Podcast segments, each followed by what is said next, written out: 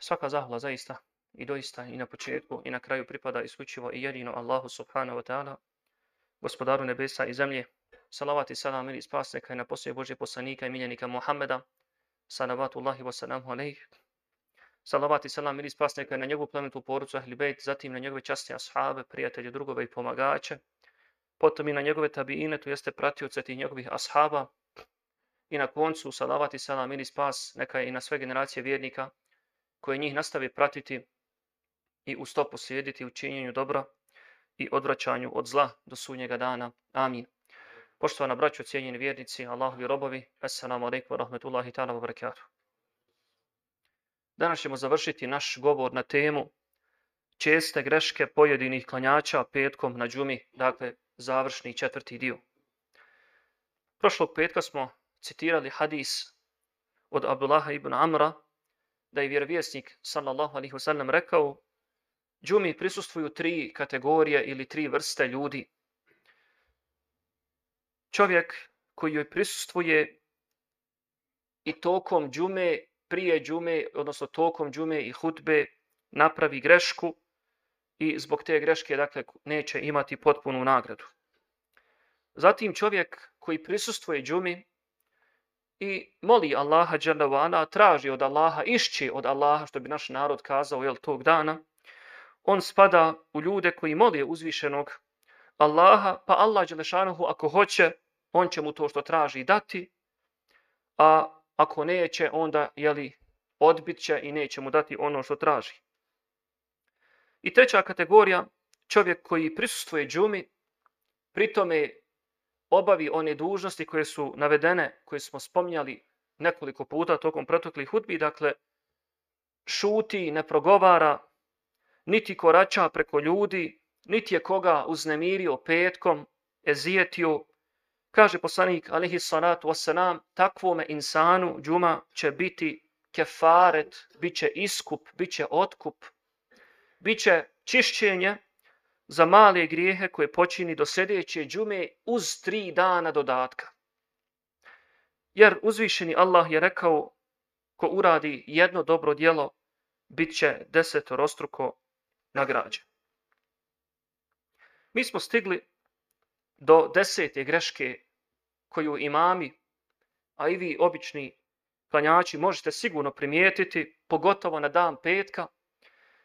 Deseta greška je nepropisno oblačenje prilikom dolaska ili odlaska u džamiju. Uzvišeni Allah, braćo, kaže u Kur'ani Kerimu, i ovaj ajet je osnova. Ja, be, ja beni Ademe, hudu zinetekum inda kulli mesjid. Kaže uzvišeni, o sinovi potomci Ademovi. Kaže, uzmite vaše ukrase. Kada idete u džamiju. Vakulu vašrabu vala tusrifu i jedite i pijte i nemojte pretjerivati. Uzvišeni Allah ne voli one koji pretjeruju. Dakle, kada idete u džamiju, obucite se lijepo. Kod svakog odlaska u džamiju, obucite se lijepo. Nažalost, pojedini klanjači oblače, na primjer, izrazito kratke majice ili košulje, pa kad obavljaju namaz prilikom sagibanja ili rukua, ili pak odlaska na seđdu padanja ničice, ili dok slušaju hutbu, jeli otkrije im se pola njihove stražnice da izvinite. Možda ljudi ne znaju, pokriti stidni dio tijela u toku namaza je šart, uslov ispravnosti namaza. Kada smo ovdje držali serijal predavanja o vrijednostima namaza, kroz 16 predavanja smo kazali da se u nekim predajama spominje da će biti ljudi koji će 40 godina imati namaz i od njega neće imati ništa. Zaista je to velika šteta da čovjek nauči se abdestiti. Išao u Mekteb, nauči klanjati, uči sure, očistio nijet, na poslu se izborio da dođe na džumu i dođe na džumu i redovno mu pola leđa viri.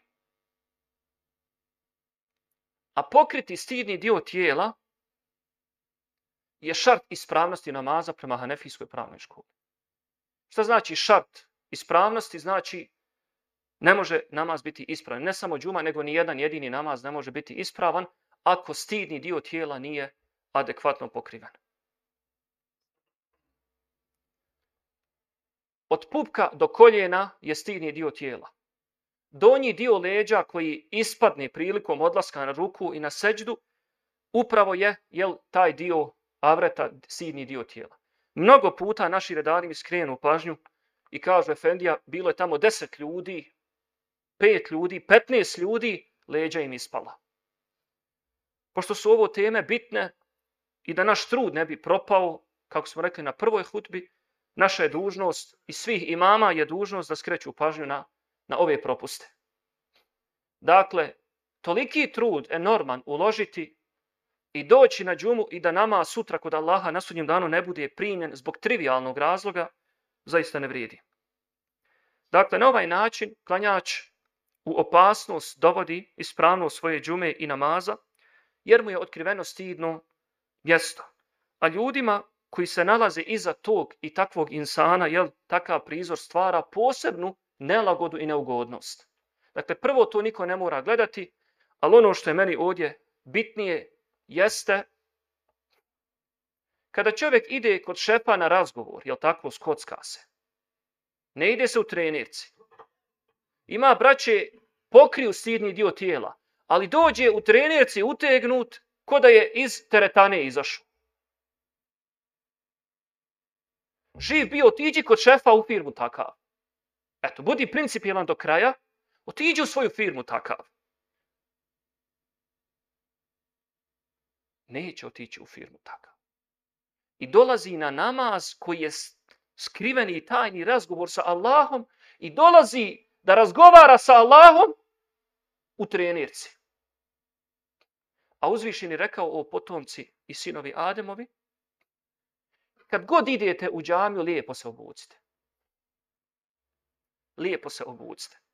To jeste, tako je prevedeno na bosanskom jeziku, bukvalno na arapskom piše, uzmite vašu najljepšu odjeću. Sve ukrasa što imate, parfema, mirisa, odjeće, odjela, uzmite najljepšu odjeću koja je ukras kad te čovjek vidi sa strane. Kaže, mašal, jeste sredio. A nemoj dolaziti u džamiju ko kakav šarlatan. Onakav kakav se ide na termin futbala i ide na u teretanu. Nemoj takav dolaziti u džamiju.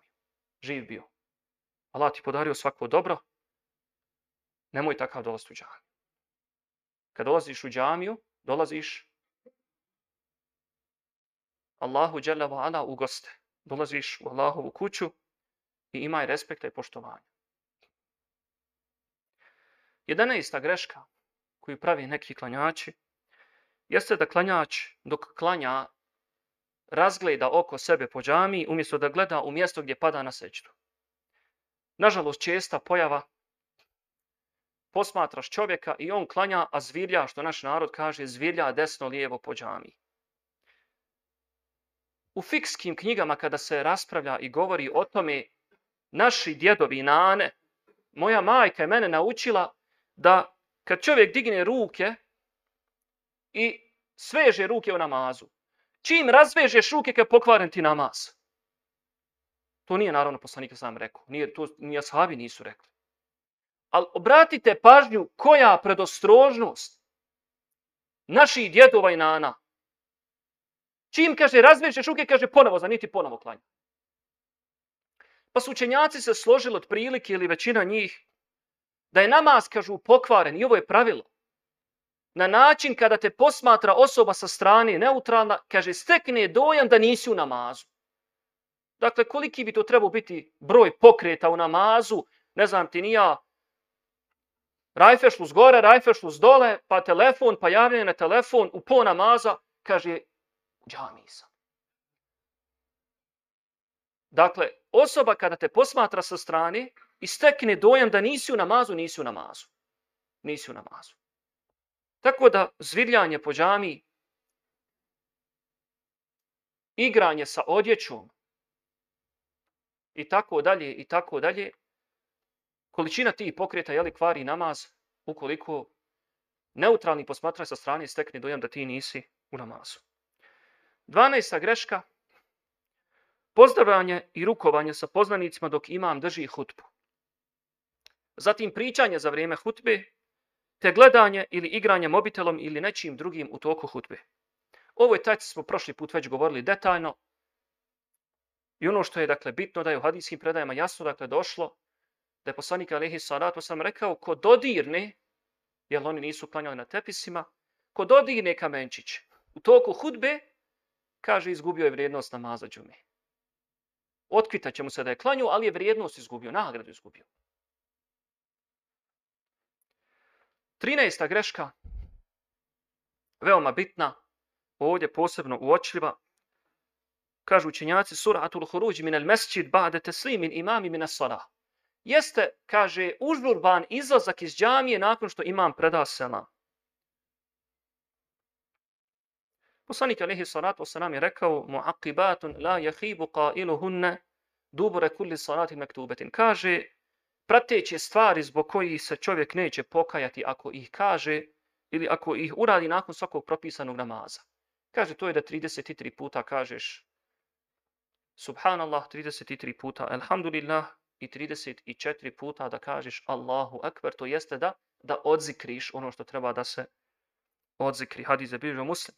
U drugoj predaji koju je zabilježio također ima muslim u jednom veličanstvenom hadisi šerifu stoji da su siromasi muhađira kada su jel, učinili hijđru prema Medini i dođoše Allahov poslaniku, rekoše Allahov poslaniće, kaže mi, kaže, fukara, a ovi, kaže, bogataši, odoše, kaže, sa svim blago, sve blagodati uzeše i sve nagrade, kaže, pokupiše.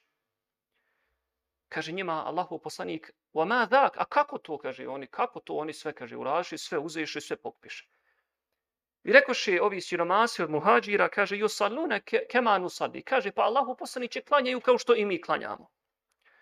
Pa kaže, i poste kao što i mi postimo i daju sadaku, kao kaže što i mi dajemo sadaku. Ili mi, jel, kao fukara i ne dajemo sadaku.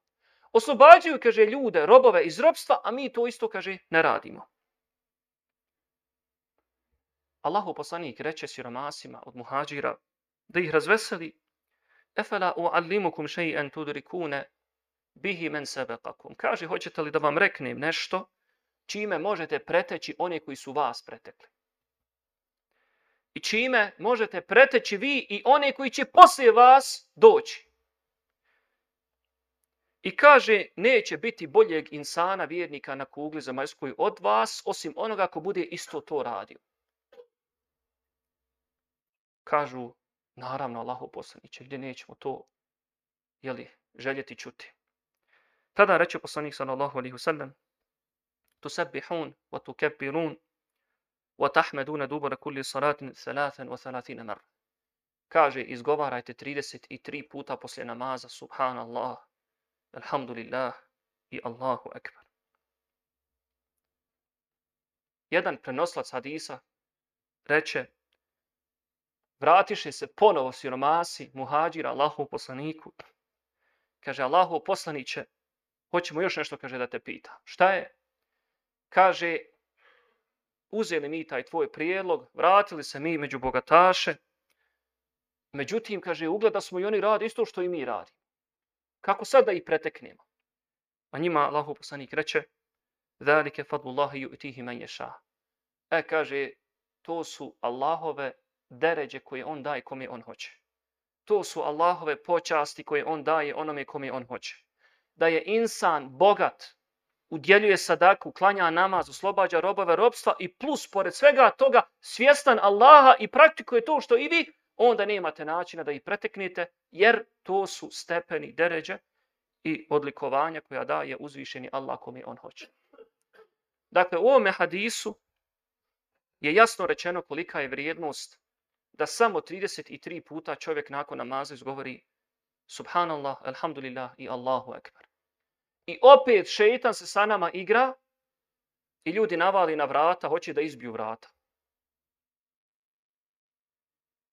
Žure, a možda da ostanu i klanjaju dva ili četiri rekiata i da odzikre, treba im tri, četiri minute, nakon 4 minute mogu komotno da, pro, da prođu bez ikakve gužve.